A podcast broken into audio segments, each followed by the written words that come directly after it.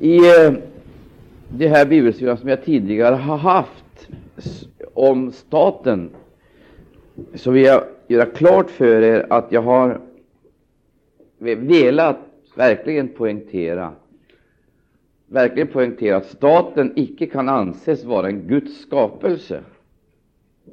Icke en Guds skapelse. Och jag har gjort klart att det finns en väsentlig skillnad emellan de förordningar, de instiftelser som har, kan härledas till eh, Guds styrelse och Guds plan, nämligen äktenskapet, familjen och församlingen.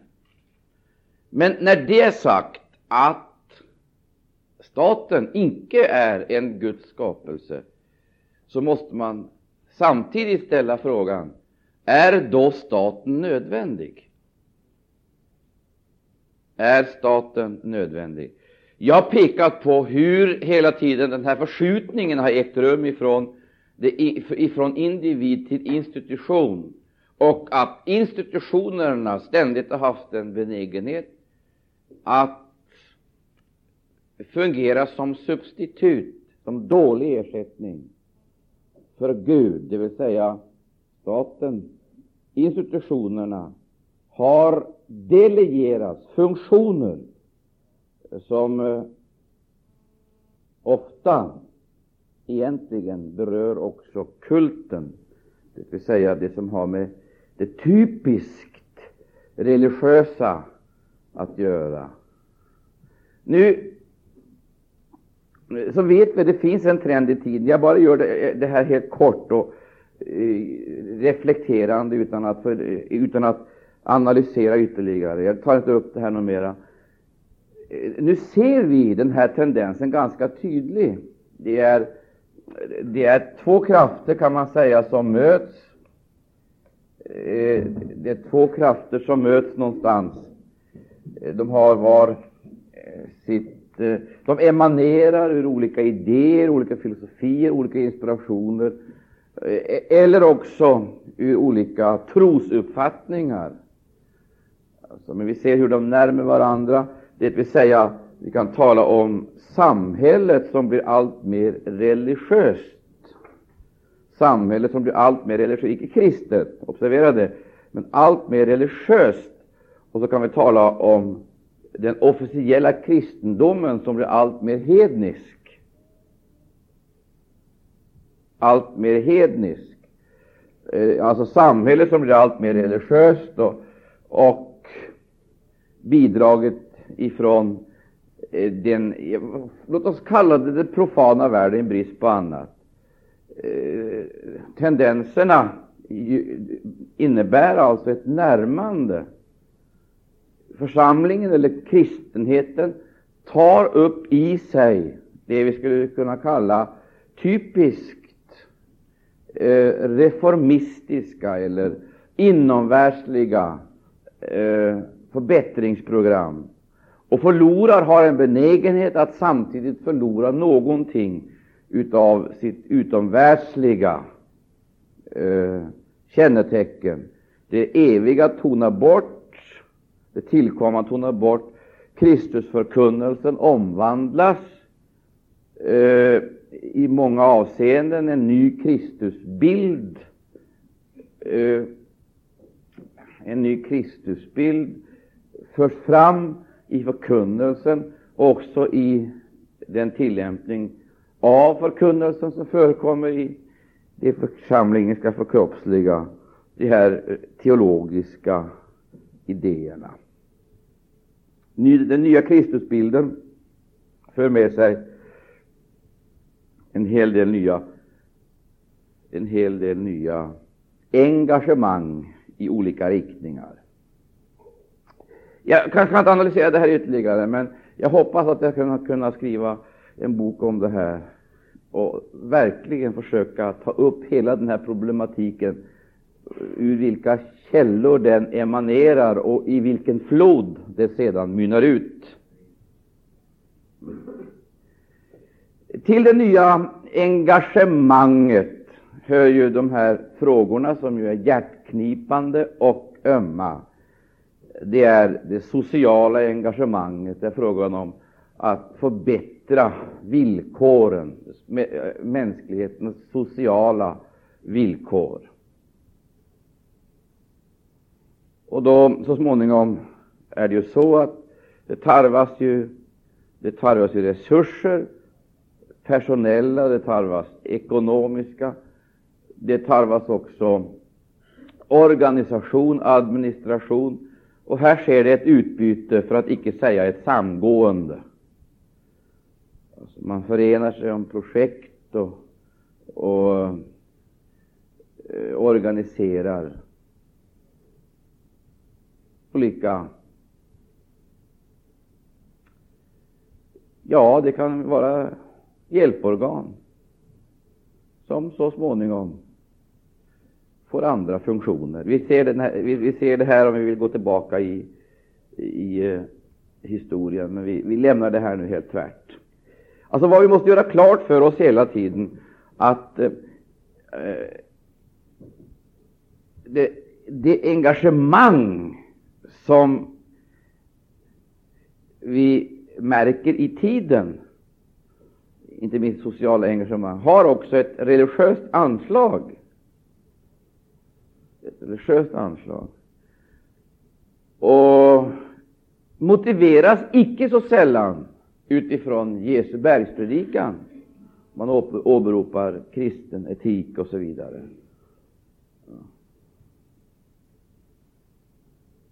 Mm.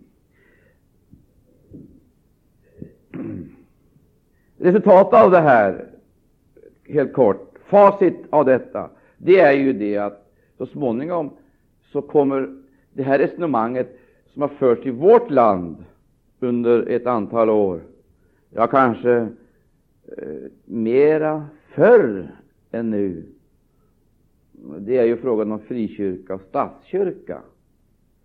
Det, det resonemanget det kommer att försvinna av sig själv genom överflödet, genom utvecklingens egen gång. Därför att i verkligheten så kommer det inte längre att handla om frikyrka eller statskyrka, utan det kommer att handla om en kyrkostat. En kyrkostat. Där ditåt vi går. Och denna kyrkostat, den är inte lokalt eh, eller betingad till, en, till eh, ett område eller ett land. Den kommer att bli universell. Så är saken klar. Men då vi läser skriften allt ifrån början, så förstår vi ju att utifrån betingelserna som mänskligheten har hamnat i, genom syndafallet och följderna därav, så måste vi då ställa frågan, är staten nödvändig? Är den nödvändig?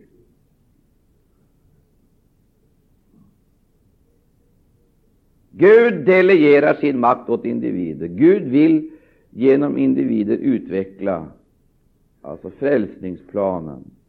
Och det är så långt vi kan förstå, om vi får använda ett så militant uttryck, det är fråga om att återerövra förlorade, får jag kalla det provinser. Jag stryker under provinser, för det är frågan om att återerövra någonting som har gått förlorat i en gigantisk kamp, som från början icke fördes på jorden, men där människan kastades in för att bli så att säga, Guds medregent vicekonung, med uppgiften att vårda, fortplanta, bruka dels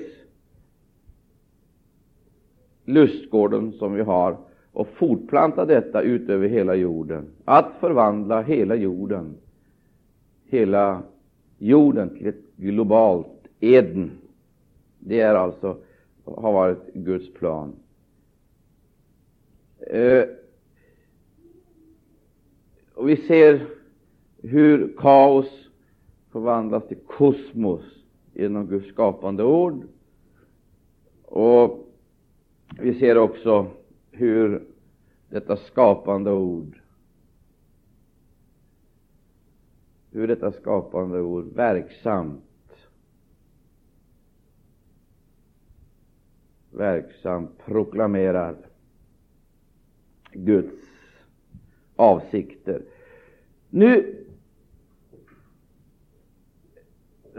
ser vi ju klart och tydligt att då människan hade alltså förlorat denna ställning, detroniserats från sin position, så upphörde ju icke i det ögonblicket hennes i det ögonblicket upphörde ju icke hennes typiska, mycket typiska eh, kännetecken, egenskapen att regera och tillbedja.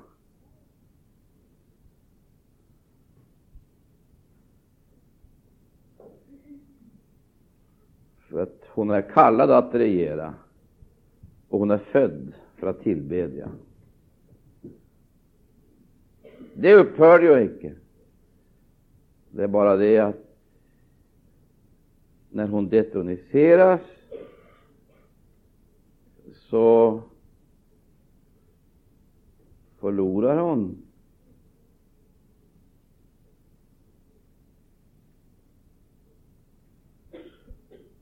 gemenskapen med Gud men gör sig själv till Gud.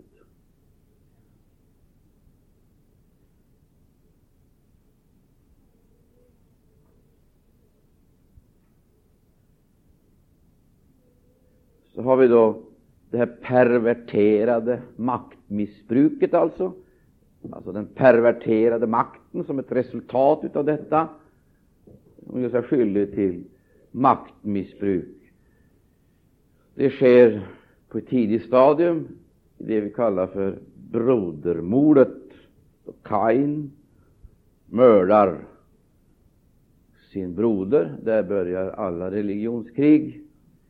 Det fortsätter sedan rakt genom hela historien. Det är alltså en strid mellan två individer på det planet, men det är naturligtvis principiellt något långt mer än, något långt mer än en strid mellan två individer. Det är strid mellan två det är striden mellan två riken, mellan två välden. Och, och, och, sen utifrån detta så ser vi sedan utvecklingen, eh, den utveckling som sen manifesterar sig dels i det vi kan kalla för Abels sättslinjen, sen Kain, Nimrod och så vidare, den linjen.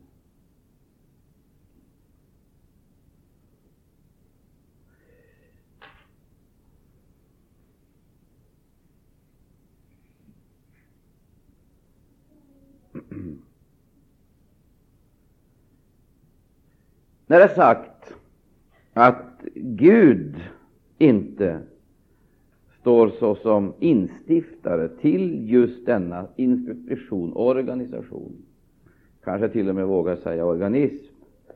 I vissa avseenden så måste man nästan använda sådana uttryck. Så måste jag ställa frågan, är då staten nödvändig?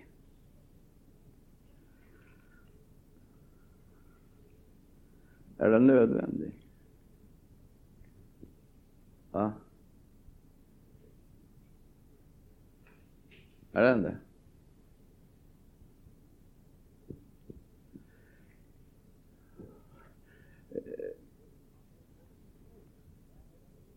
Är den det? Är staten Guds fiende eller Guds tjänare?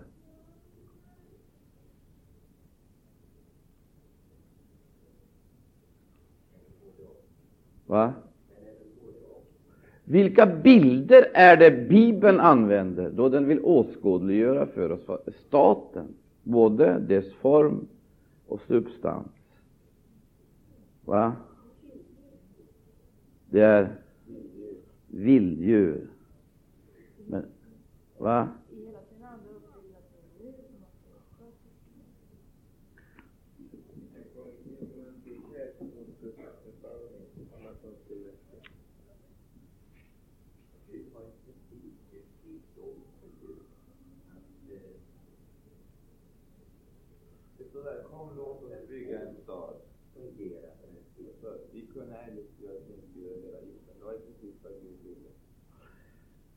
Alltså, är staten ett gudomligt provisorium, organiserad för tiden? Eller är staten en satans skapelse för att hindra Guds plan? Men denna skapelse, denna Satans eh, maktkonstellation har utan, jag höll på att säga förskyllan, fått tjäna Guds syften, lika som allt till syvende och sist får tjäna Guds syften, det vill säga föra frälsningshistorien vidare. Du är min tjänare, Ja.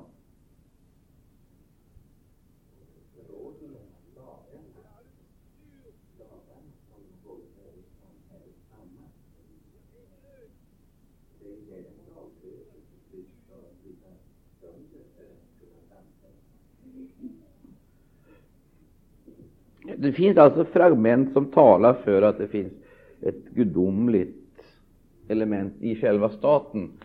Lagstiftning.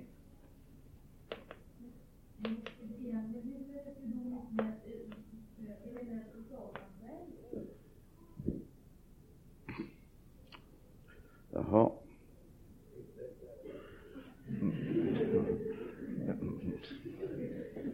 Lagstiftning. Första, rättsordning.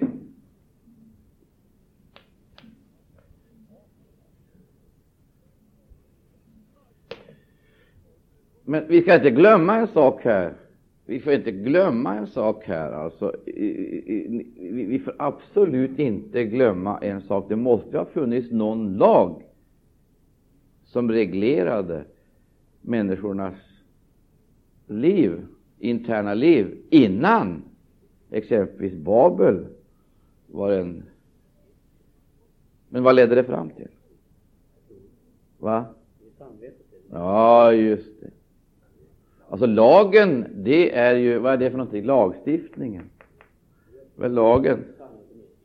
Ja, man kan säga så här, om man vill för grovt säga, lagen, det är ju, det speglar ju människans samvete.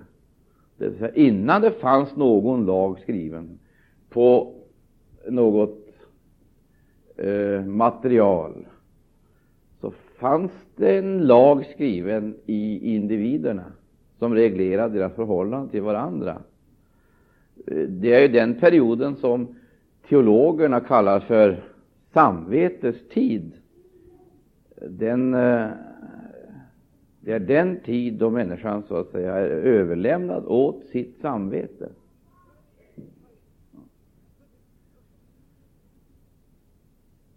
Jag vill fråga då, hur är det med samvetet nu då? Är det, vad leder det fram till, vill jag säga?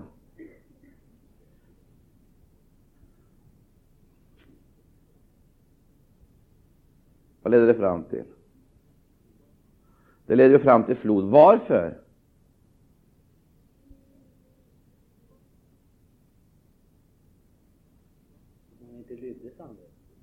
Nu vill jag fråga, vad har lagstiftning... Vi läser, det här, var citerade här.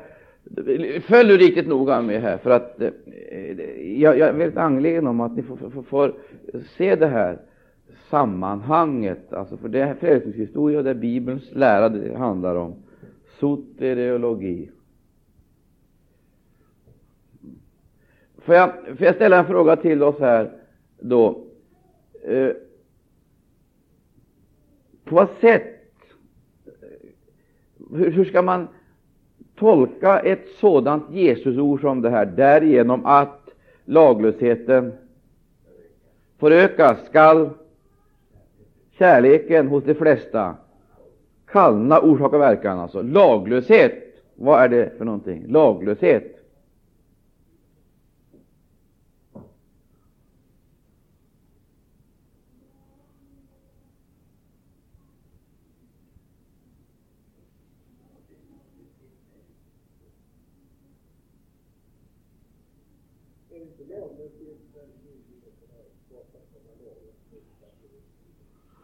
Är det myndigheterna som skapar lagar? Va? Är det det? Är det myndigheterna som skapar lagar? Ja. Är det det? Är det, är det de som skapar lagarna? Vad är lagen för någonting?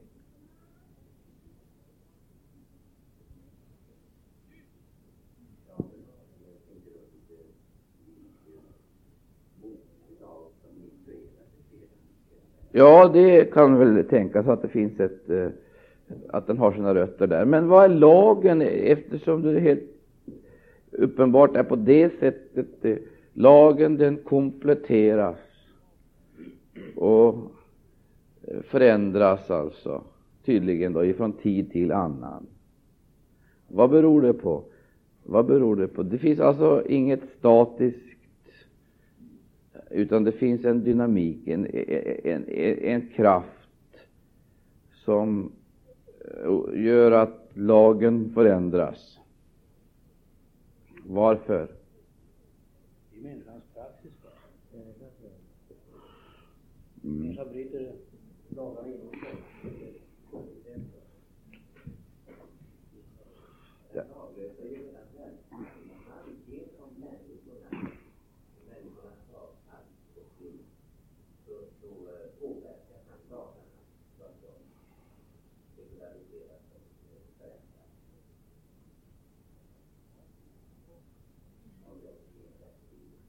Ska jag ta ett konkret exempel? Men det är lite farligt, för nu kommer vi in på lite filosofi här. Jag ska ta ett exempel. Du skall icke dräpa.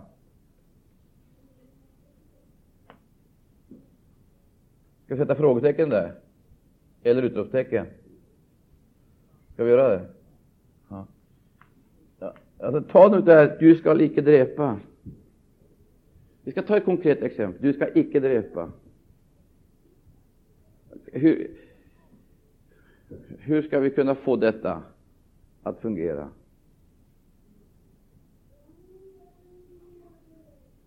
Så att det stämmer överens med den ursprungliga uppenbarelsen.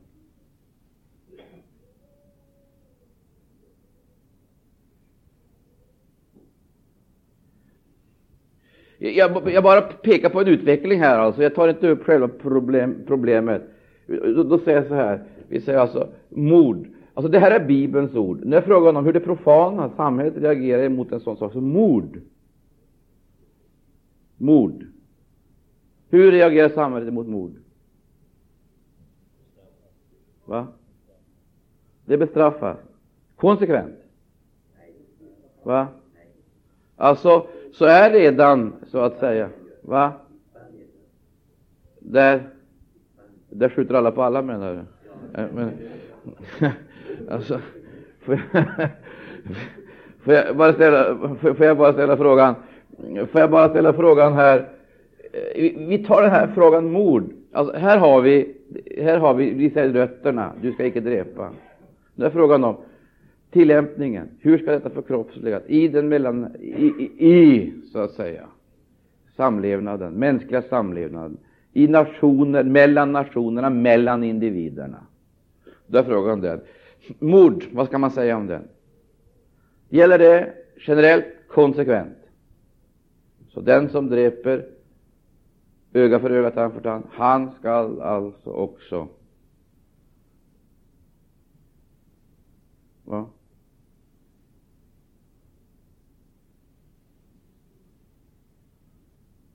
Gäller detta konsekvent? Va?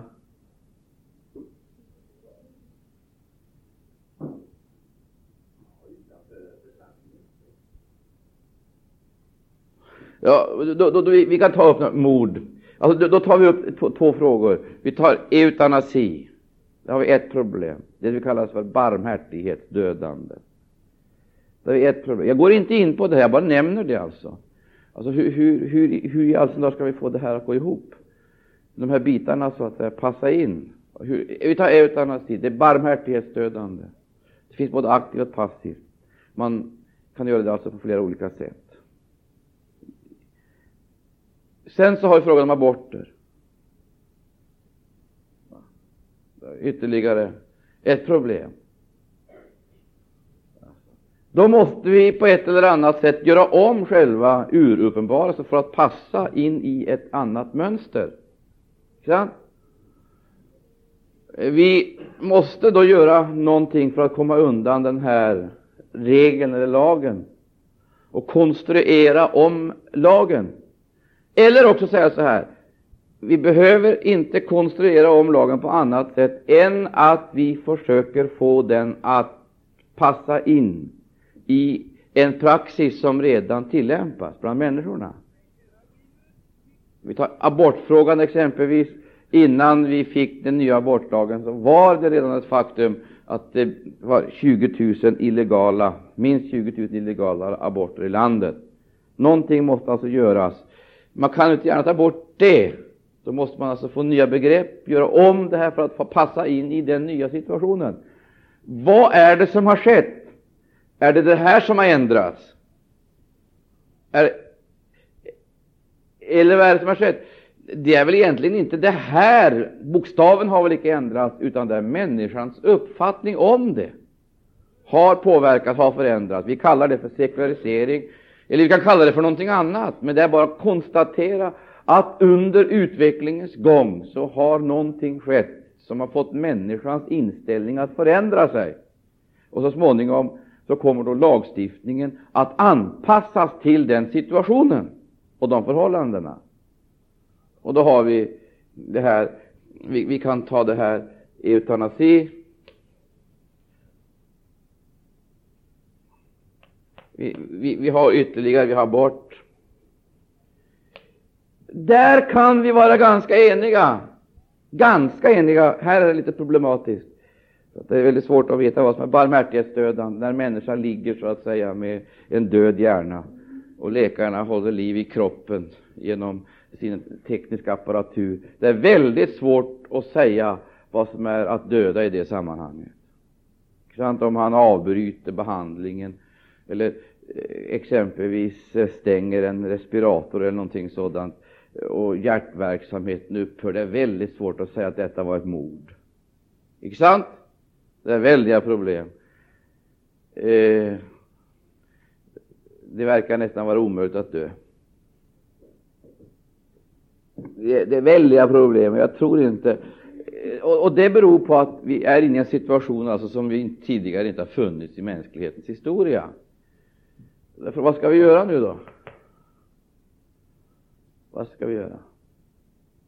Här kommer en hel massa frågor in i bilden. Läkaretiken och respekten för livet överhuvudtaget. Människovärdet. Det är vissa saker som principer som man måste upprätthålla. Jag går inte in på det här, för att å andra sidan sett så må det här bli ett kusligt, en kuslig aspekt att man går in på ett sjukhus och vet att hos de människor som ska vårda min kropp finns det möjligheter, så att säga, att eh, ja, mitt liv ligger i deras händer och de kan i realiteten fatta ett beslut om mitt liv som kan betyda döden för mig. Det är också en kuslig aspekt.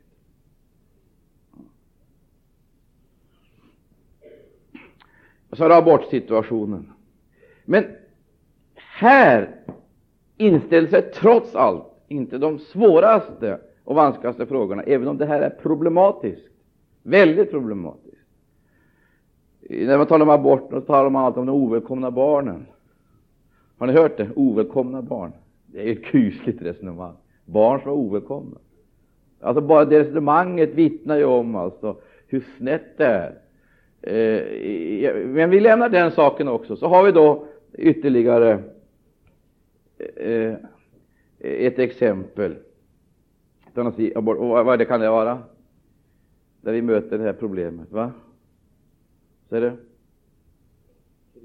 Ja, det har vi kriget och krigstjänst. Kriget och krigstjänsten. Frågan om värnplikten och så vidare. Var hör vi hemma i det här sammanhanget? Och hur ska vi kunna få det att passa in där? Gud har sagt, du skall icke dräpa. Och varenda svensk medborgare i den förment kristna staten, i varje fall i kulturstaten, utbildas praktiskt taget varenda ung man, uh, ja, varenda uh, man till soldat. Han skall försvara vad? Va? Nej, vad ska han försvara? Vad är fosterlandet? Va? Alltså, det är dig vi ska försvara oss det. Ja. Men, men, men, men, men, men, men, men, låt oss ta upp den här frågan, alltså se det här. Alltså, här kommer, när vi börjar gå in på de här problemen, så finns det risk för att man hamnar i cynism ja. eller i fanatism. Och jag föredrar fanatismen framför cynismen och har fördrag alltså med de som är fanatiska vapenvägrare. Det vill säga, det är bättre att gå ett steg längre bort ifrån det här än att inveckla sig i det. Därför att vi löser inte problemen helt enkelt. Vi löser inte problemen genom de här metoderna. Det måste finnas en annan väg. Och där kommer vi det här om därigenom att laglösheten tar, vet du det, förökas skall kärleken. Och där frågar de, vad är det för kärlek? Är det kärleken till Gud? Vad är det för någonting idag? Ja, det är kärleken till nästan. Och framförallt kärlek till livet, kärleken till nästan. Och då är det frågan också om de arrangemang som Gud har accepterat, eller ska vi säga sanktionerat, såsom ett givet skydd för det mänskliga livet. Och när kom det arrangemanget? Va? Som Gud gav för att skydda människan. När kom det? Va? Va? När kom det skyddet? Ja. När var det Gud uttalade sig speciellt om detta? Det vill säga, människan hade förlorat ett skydd i fallet. Alltså så kommer samvetets tidsålder, våldet förökar sig på jorden, det vill säga den ena är den svage är utlämnad åt den starke, och den starke eh, eh, exploaterar skrupellöst den svage och gör sig skyldig till våldshandlingar för att befrämja sina mer eller mindre privatkapitalistiska idéer och intressen. För hela tiden är det fråga om egoismen. egoismen. Och egoismen alltså, den är en fruktansvärd makt som förvandlar successivt, degraderar människan till ett vilddjur. Ni ser tråkade ut. Är det tråkigt det här? Jag tycker det är spännande. Ja. Ja, visst. Ja. Får, jag, får jag bara ställa en fråga till oss allesammans här? Eh, nu vill jag bara ställa den här frågan som jag tycker är väldigt väsentlig. Alltså, när kom då detta skydd som Gud sanktionerade?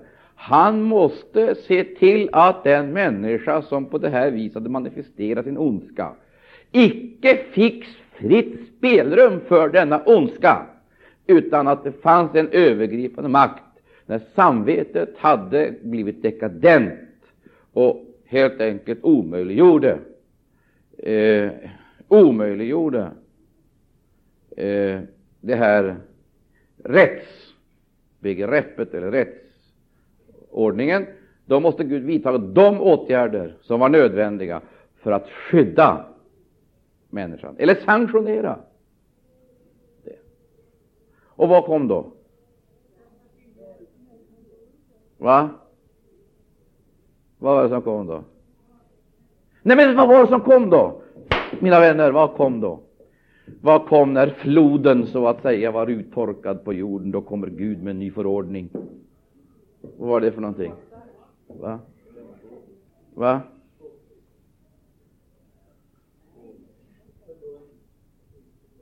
Va? Ja, ett nytt förbund, ja. Men det står någonting mera där. Har ni inte läst det här?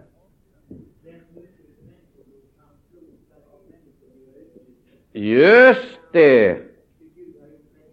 Där kommer det. Där kommer det. Där har vi alltså, där har vi eh, lagstiftningen.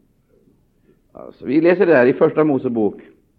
Där kommer den nya förordningen, som egentligen Jag har beslutat mig för, hörni, nästa vecka, där kommer vi att vara tillsammans hela dagar. Det går inte att plocka på det här viset, ha ett bibelstudium om dagen. Det, sitta här och läsa Bibeln i 45 minuter när man är på höjd, så må man gå härifrån. Utan vi måste ha en dag, vi får göra så här, vi delar upp dagar, tycker jag. Om jag får eh, fem dagar så kan ni dela på en dag, ni övriga. Så känner jag det, jag har så oerhört, jag tycker att det är så mycket jag skulle vilja säga. Ja. Jag menar så här, alltså om jag fick lejonparten här, en vecka som nu kommer, och så tar ni lejonparten nästa vecka, en annan nästa vecka. Förstår ni? Alltså om jag får tala nu mycket nästa vecka, en hel dag eller två dagar, tisdag, och onsdag exempel, eller tisdag och torsdag, mm. hela dagarna, om jag orkar. Vad var det vi läste någonstans?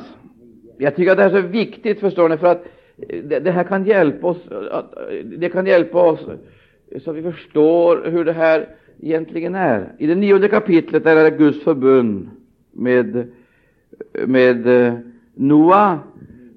Därför att här möter vi människan, eh, så att säga, jag höll på att säga förbrukad eller exploaterad. Och Gud upprättar ett förbund med Noa, och då säger han så här ifrån första versen. Gud välsignade Noa och hans söner och sa till dem, var en fruktsamma och för öken eder och uppfyllen jorden. Där lägger vi märke till att eh, den ursprungliga missionsbefallningen som vi har i den första delen av Första Mosebok, alltså första kapitlet är det väl, den kommer igen, men nu i begränsad form nu i begränsad form. Det vill säga, förutsättningarna här är något annorlunda än vad de var i begynnelsen. Så egentligen så möter vi i den här uppenbarelsen en reträtt. Gud drar tillbaka människan. Gud drar tillbaka människan och flyttar gränserna, reducerar hennes aktionsradie och i varje fall begränsar han hennes möjligheter. Det är en dimension som har gått förlorad. Va? Ja, just det. Det ska vi också komma tillbaka till om en liten stund. Då måste alltså någonting få ersätta förlusten. Därför att nu har människan kommit fram till den punkten. Hör här. Nu har människan kommit fram till den här punkten, om vi använder oss av den här utvecklingen, kommit fram till den här punkten då det visar sig att det hon ägde inom sig icke räckte till för att skydda henne. Hon blev en fara för sig själv och en fara för en omgivning. Då kommer den här muren, den ena muren, och, och då läser vi det igen, då, det nionde kapitlets femte vers. Varsågod.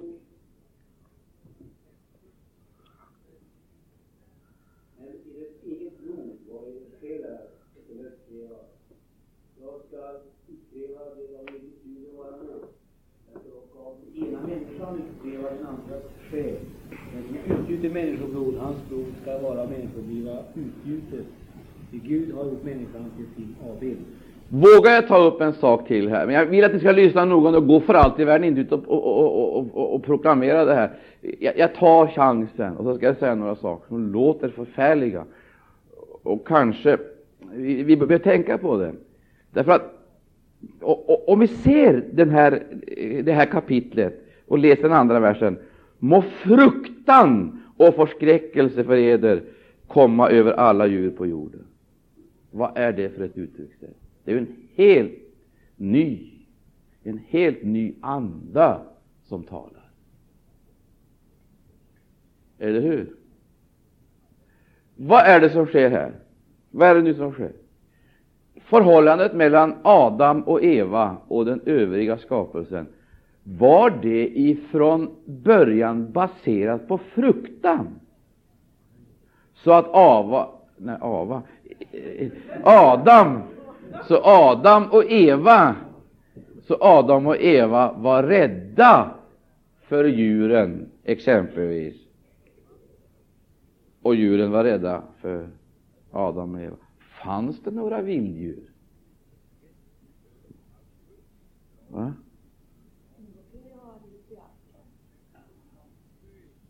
Ja, men hur var det egentligen? Fanns det något regn? Va? Regnade det på jorden? Va? Regnet, vad är det uttryck för? Regnet det vittnar om disharmoni i skapelsen. Det regnade aldrig i Eden Sluskor. Gjorde det? Det var dagg. Regnet är bild på dom, katastrof. När vi sjunger skurar av höjden, då ber vi Gud skicka dom.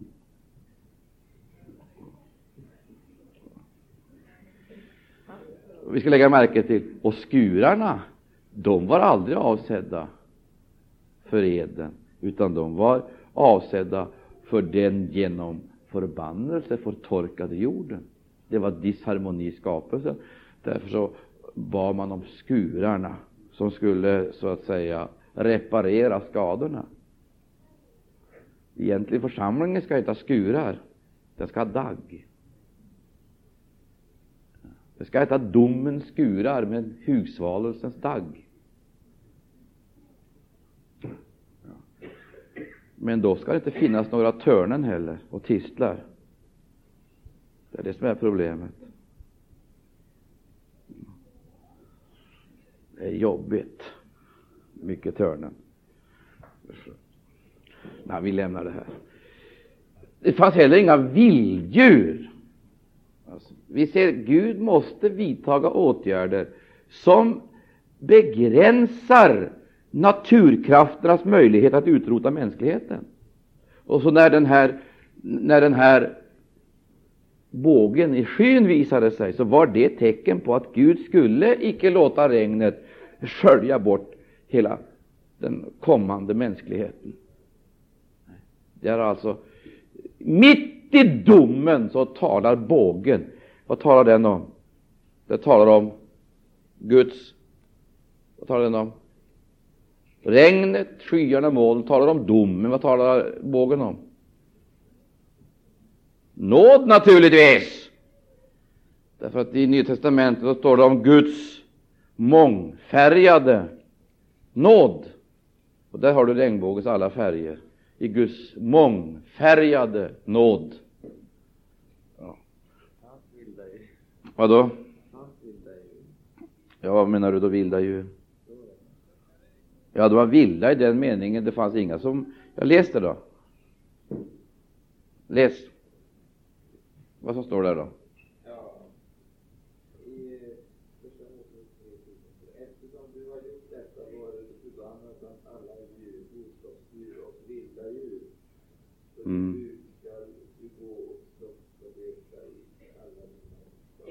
Ja, men vilda djur, det är väl inte men, det, det, var väl inte frågan om att dessa djur, så att säga, anföll mänsk, människan?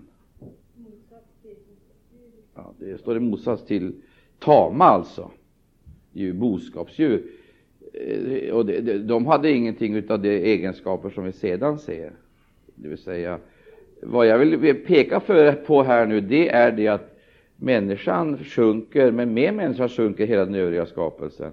Vad som sker det är ju det att, att allt, embryot till alltsammans detta ligger ju i människan själv. Det är hon som fortplantar det hon är inom sig. När hon sjunker så sjunker hela den övriga skapelsen. Hon drar med sig hela den övriga skapelsen och manifesterar och fortplantar sitt eget sinnelag.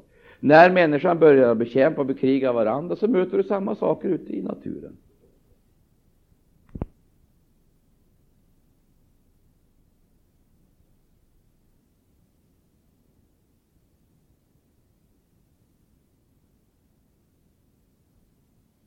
Det, det, det, slår igenom hela vägen, därför att detta låg i människans makt såsom Guds vice konung. Men vi måste skynda oss vidare här nu, och så läser vi, för att jag ska, för, för, för jag har på det här, och, om vi tar den andra versen, så heter det Må fruktan och förskräckelse för eder komma över alla djur. Det kommer. Må fruktan och förskräckelse för eder komma över alla djur. Där inträder så att säga det nya.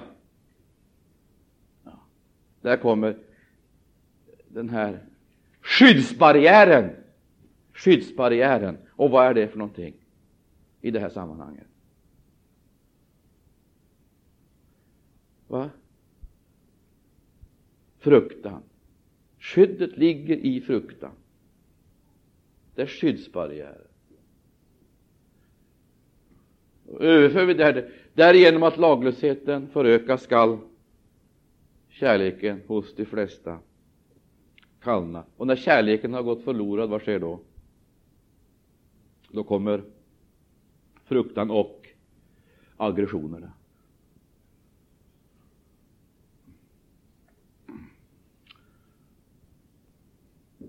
Eh, I tredje versen. Allt som rör sig har liv, skulle ni hava till föda. Också något nytt. Här möter vi alltså den situationen att människorna som var vegetarianer blir allätare. Börjar, hon äter kött. Börjar, eh, hon övergår ifrån vegetabilisk föda till animalisk. Det är också en utveckling. Så förändras hon också på det, det planet. Varför? Varför, varför? varför det här?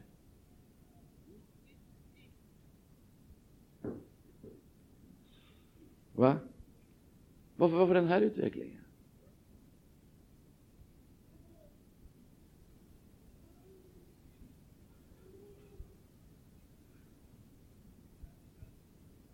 Nu äter hon kött och så småningom så blir hon kannibal, äter människokött.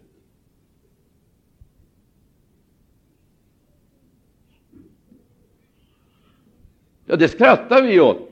Är du inte klok? Men så är det. Det är utvecklat. Men det är ingenting som historien till. Kannibaler finns det gott om. De går mitt ibland oss. Det är många som haft riktiga skrovmål på sina syskon. Ätit upp mången god kristen.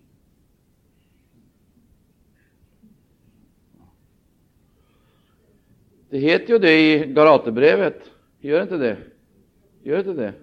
Om i bitens inbördes så må ni se till att I icke blir uppätna.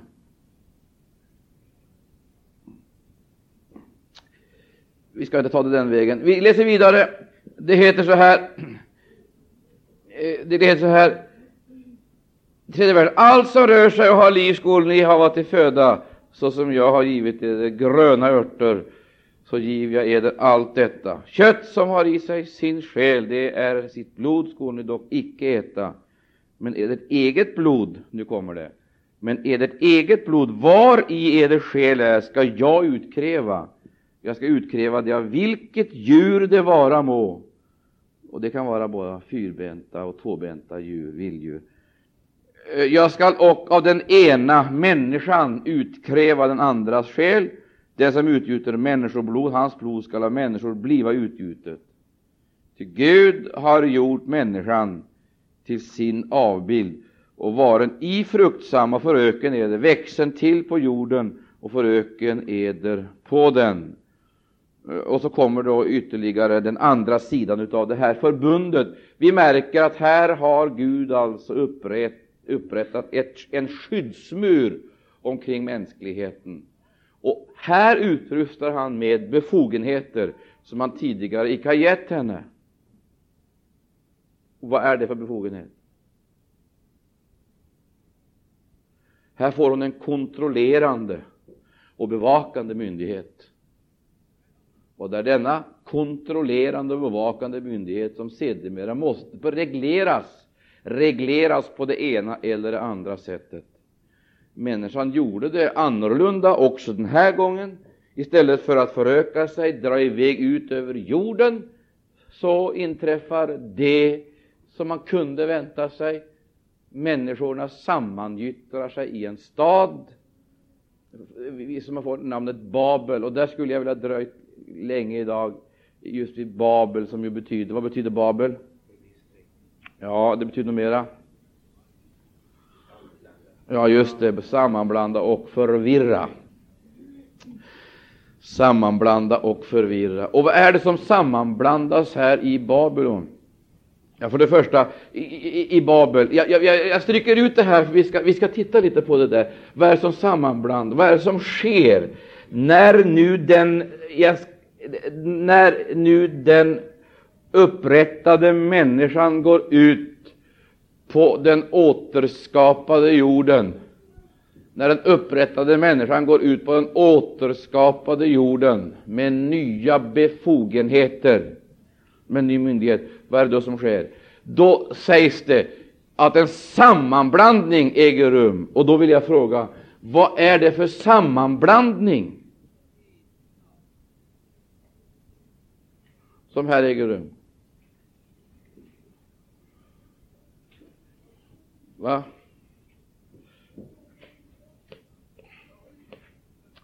Vad är det för sammanblandning? Kan ni svara mig på det? Vad är det för sammanblandning? Vad är det som blandas ihop i Babel?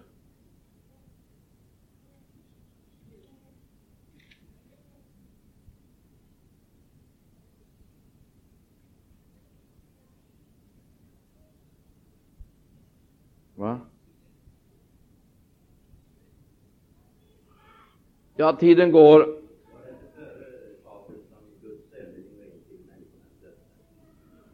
Ja, det var eh, före floden. Ja. Men ja, vi, vi, vi, vi skyndar oss här nu och så tänker vi, vad var det för sammanblandning som ägde rum i Babel? Vad var det för sammanblandning?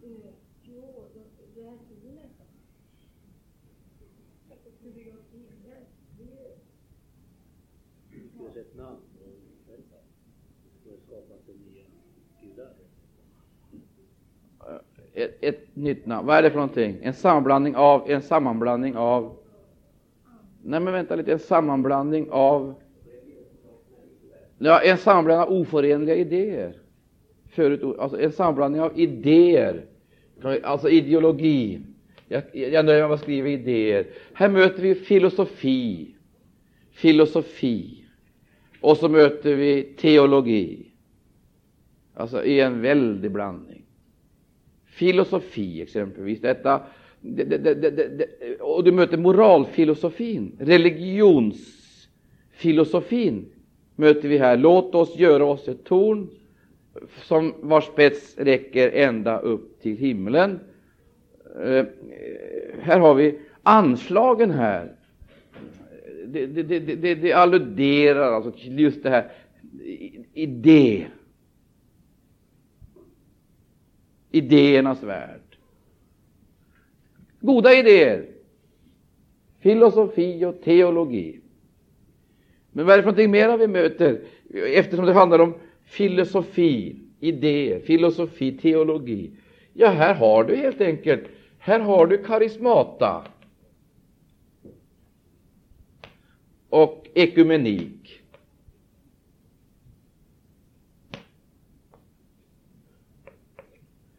Karismata, ekumenik och frälsningslära.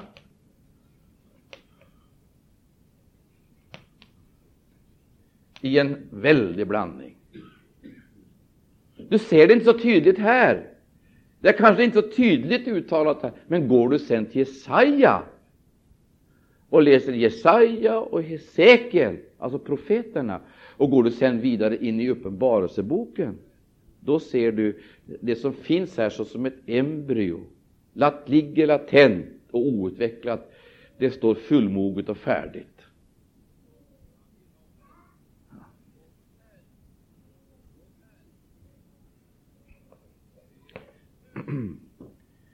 Idéer,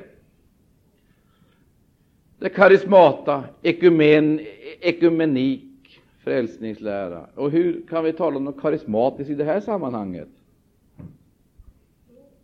Va? Vad är det för karismatiskt i detta? Tror ni att de här sönerna som hade gått ut på jorden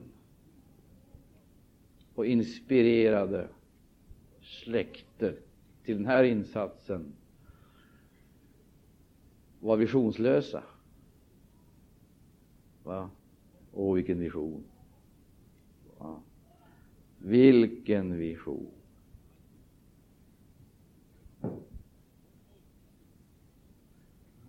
Sant? Men inte nog med det, filosofi, det möter också i, i idealismen. Jag säger idealismen. Det är klart att skall vi bygga, då får vi underkasta oss villkoren, pionjärernas villkor. Acceptera provisoriet, leva primitivt under uppbyggnadstiden. Då får vi alltså avstå ifrån viss komfort får vi förena våra krafter för att skapa någonting. Men varför ska det här skapas? Ja, det finns ett fullständigt legitimt behov. Vad då? Ett legitimt behov av trygghet. Trygghet.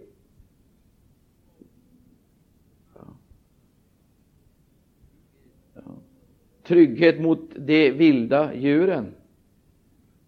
Trygghet för de onda krafterna överhuvudtaget som skulle kunna hota deras existens.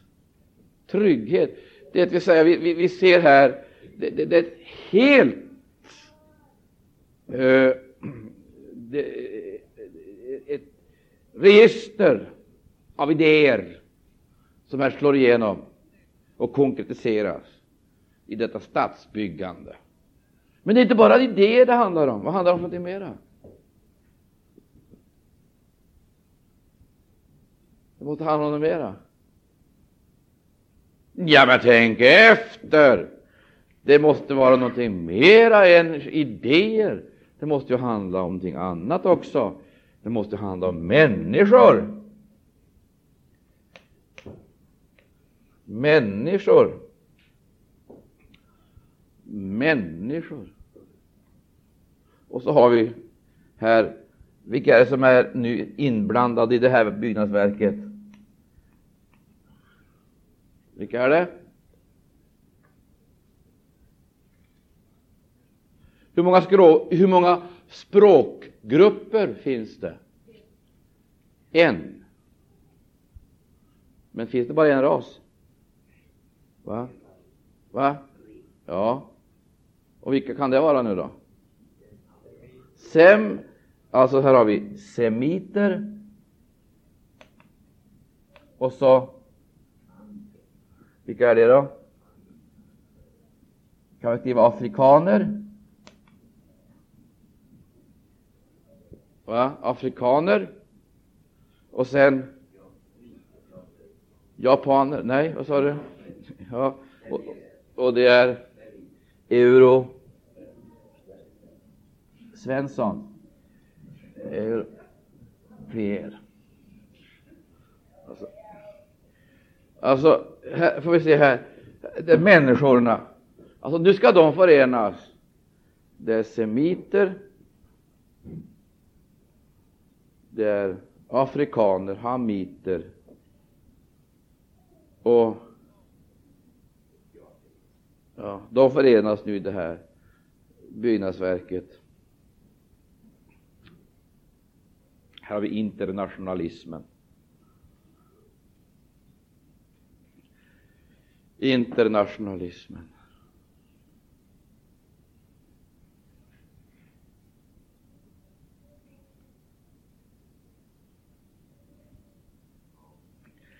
Demokratiseringen. Vad säger du?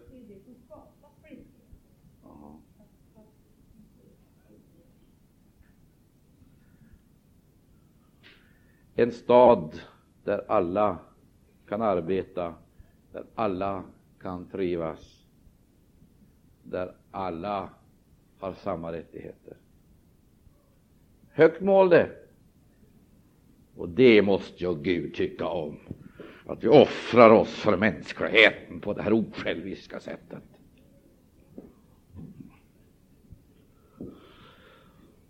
Det enda jag efterlyser här nu vad, är det? vad tror ni det är? Det enda jag efterlyser, men det kommer senare. Det enda jag efterlyser, vet du vad det är? Ja, det är kampen mot könsrollerna.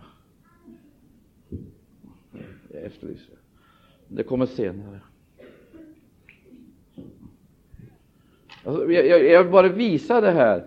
Eh, nu kan vi fortsätta det här studiet, så ska vi se vad det här leder fram till. Idéer, människor som förenas. Idéer, människor, men vad för någonting mera? Och sen tredje, sista. Vad då?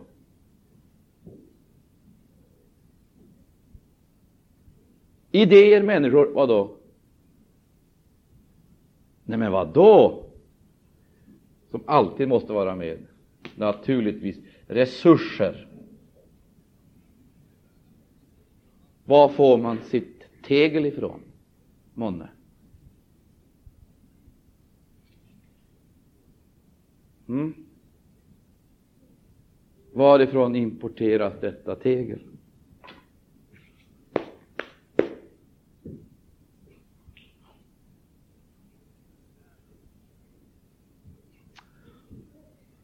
Va?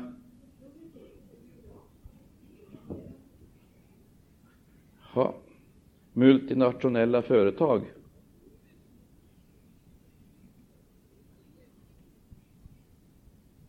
Var fick de materialet ifrån? Ja.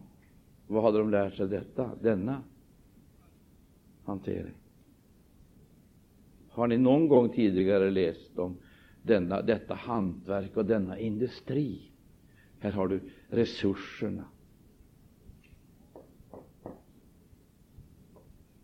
som sätts in för att bygga upp välståndet tryggheten och bygga ut, vad då? Fruktan. Bygga ut fruktan, ensamheten, fattigdomen. Bygga ut lidandet.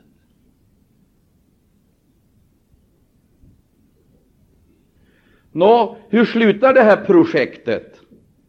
som alla andra människan tar sig före i katastrof.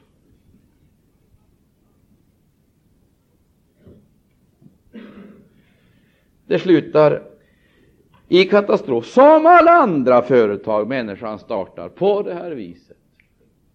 Ty ytterst så är alltsammans detta en protest emot Gud. Vad gör hon?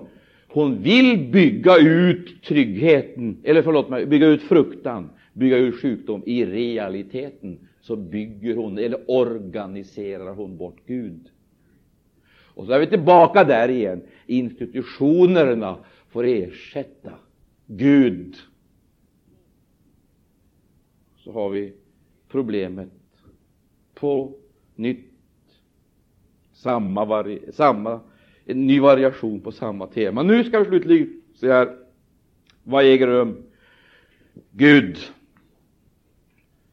griper ytterligare en gång in och sätter upp nya murar, skyddsmurar. Vad gör han? Vad gör han nu då? Tidigare har han alltså slagit sönder deras planer. Nu gör han det igen. Och han gör det på ett påtagligt sätt. Nya skyddsmurar byggs upp mellan grupperna. De kastas ut på jorden. Och så möter vi då i skriften alltså de här språkgrupperna, olika språkgrupperna.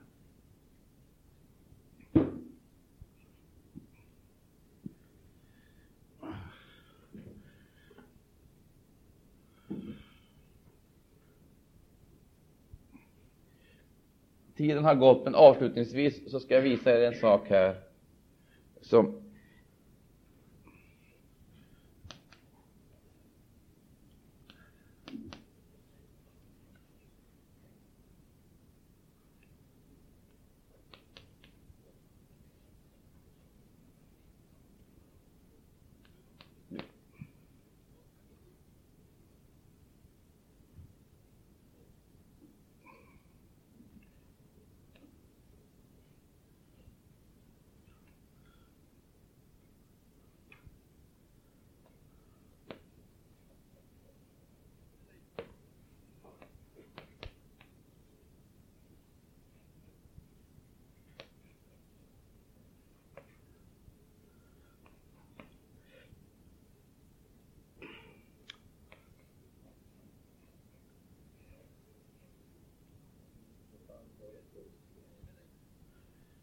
Jag skriver på tavlan här eh, jag skriver på tavlan här några uttryck som vi ska lägga märke till. Eden, jorden, Babel, Kaldeen, Egyptien, Babylon, Babylon, världen, världen,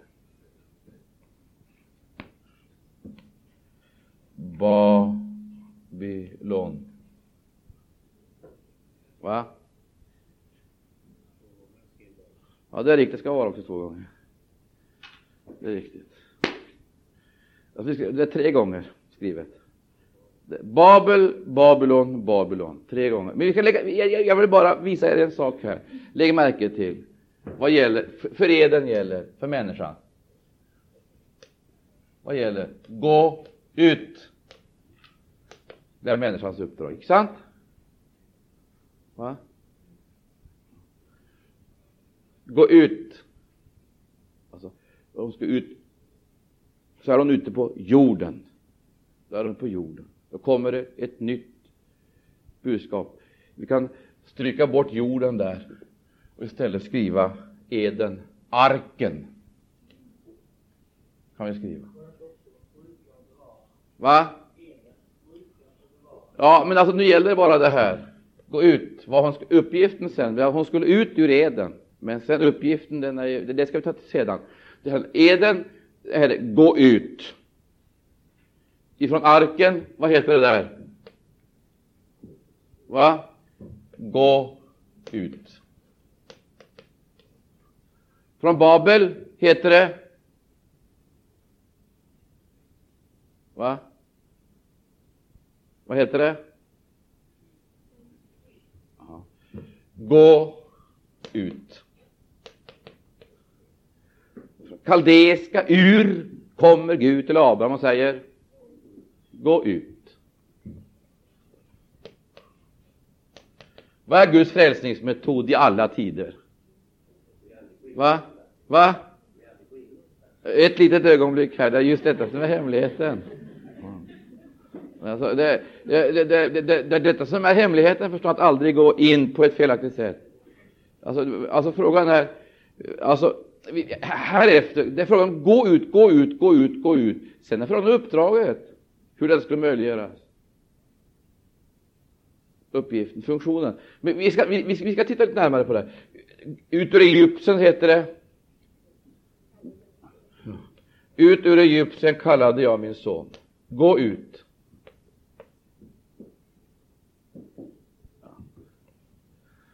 Ut, nej, Babylon, det heter det. Gå ut.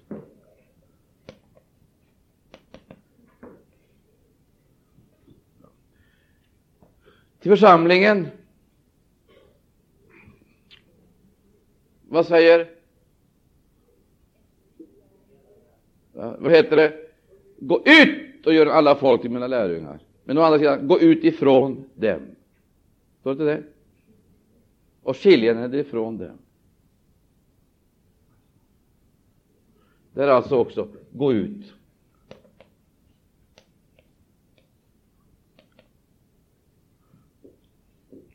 Till eh, jungfrurna letar vi midnattstid, heter det. Gå ut. Gå ut. Det innebär alltså att de har gått in i någonting, så de måste ut ur.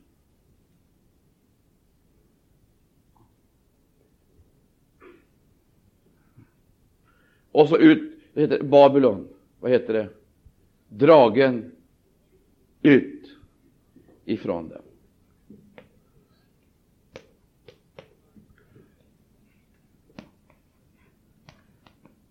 Alltså, nu gäller det för oss att få det här att fungera på något vis. Eh, ett plus, plus, plus, plus, plus, plus, plus. Det är nämligen på det här sättet att allt sammans det här finns representerat i vår tid. Så när vi nu säger gå ut här nere, då menar vi ganska mycket. Då menar vi ganska mycket. Men vi, innan jag slutar nu, jag ser, jag har en minut, jag ska ta en minut till. Eden var väl inget ont? Var det det? Det kan inte vara samma sak att gå ut ur Eden som att gå ut ur Babylon. Arken var väl inget ont? Va? Sant? Och det kan ju inte vara samma sak att gå ut ur Eden och gå ut ur arken som att gå ut ur Egypten. Det måste vara vitt skilda saker. Och ändå också måste, all, måste båda sakerna ske. Det vill säga, vi måste gå ut både ur det onda och det goda. Förstår du? Alltså, för, lyssna på mig nu. Praktiserar vi inte det här, så vi går ut ur detta på ett rätt sätt, så hamnar vi där. Va? Ja, alltså går vi icke ut ur eden för att förverkliga Guds uppdrag, går vi icke ut och gör vad Gud har sagt, som vi ska göra det, då hamnar vi så småningom i det här tillståndet. Då hamnar vi i det tillståndet. Och vad jag vill göra klart för oss i det här sammanhanget, det är ju det att nu vet vi att det här var ett resultat av fallet med människan föll. Men vi måste göra klart för oss att vi måste gå ut ur både det onda och det goda. Alltså förutsättningen för att vi överhuvudtaget ska bli bevarade, det är att vi aldrig stannar i tiden, stagnerar. Aldrig stagnerar. Och därför så får vi såsom kristna icke komma i ett felaktigt beroendeförhållande, vare sig till de rent sataniska eller gudomliga institutionerna. För även familjen som Gud har skapat kan bli någonting ont om vi kommer i en felaktig relation till den.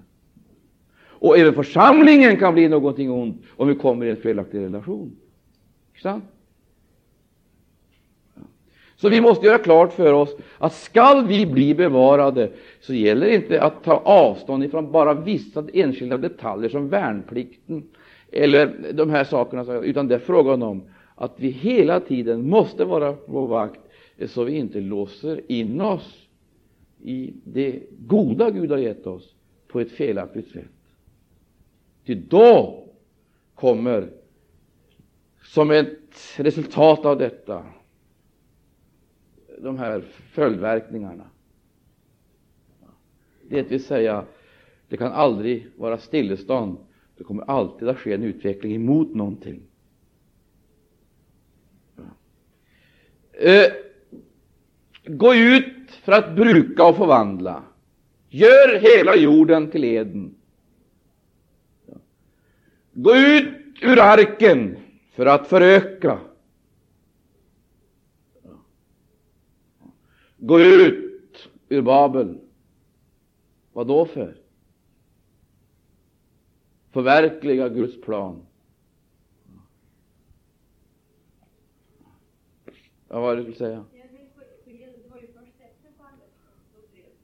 Vad säger du? Ja, det är likadant här. De drevs ut ur Babel också. Men Gud hade sagt till människan att de skulle föröka sig över jorden. Första Mosebok. De skulle ha Eden som sitt hem, men de skulle ha världen, jorden, som sitt verksamhetsfält. Va? Nej, det var inte efter fallet. Om du läser Första Moseboks första kapitel så står det klart och tydligt angivet vad de skulle göra för någonting i sista delen av kapitlet. Läs där, 28 versen.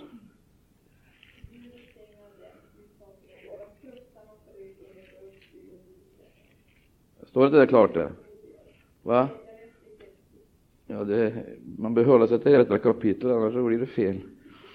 Mm. Alltså,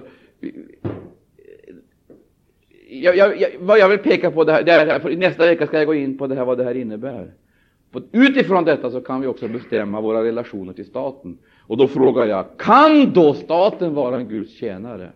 Denna stat som icke så att säga kommit till eh, på någon slags gudomlig, gudomlig eh, sanktion. Kan den vara en Guds tjänare?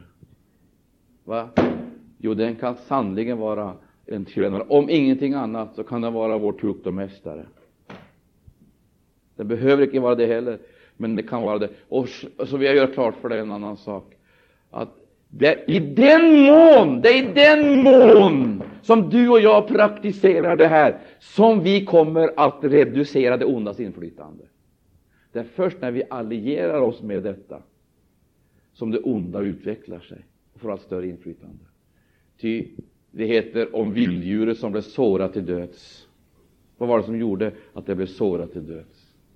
Vad var det? Vad var det? Men som stod upp igen.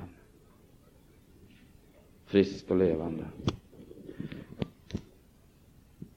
Ja, imorgon är det fredag. Jaså? Jag ber om ursäkt, det är så eh, är. Har vi in med dagen den här veckan då. Utan vi ska fortsätta med det här nästa vecka, ska vi se hur det här utvecklas och vad som gör att staten är plötsligt den stat som kom till på det här relativt oskyldiga sättet, relativt oskyldiga så småningom utvecklar sig till en fruktansvärd maktkonstellation och får vilddjurs alla egenskaper.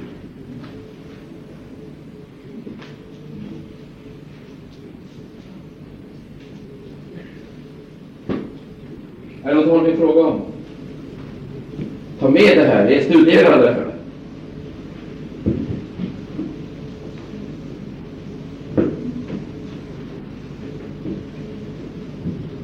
Där de tackar Jesus.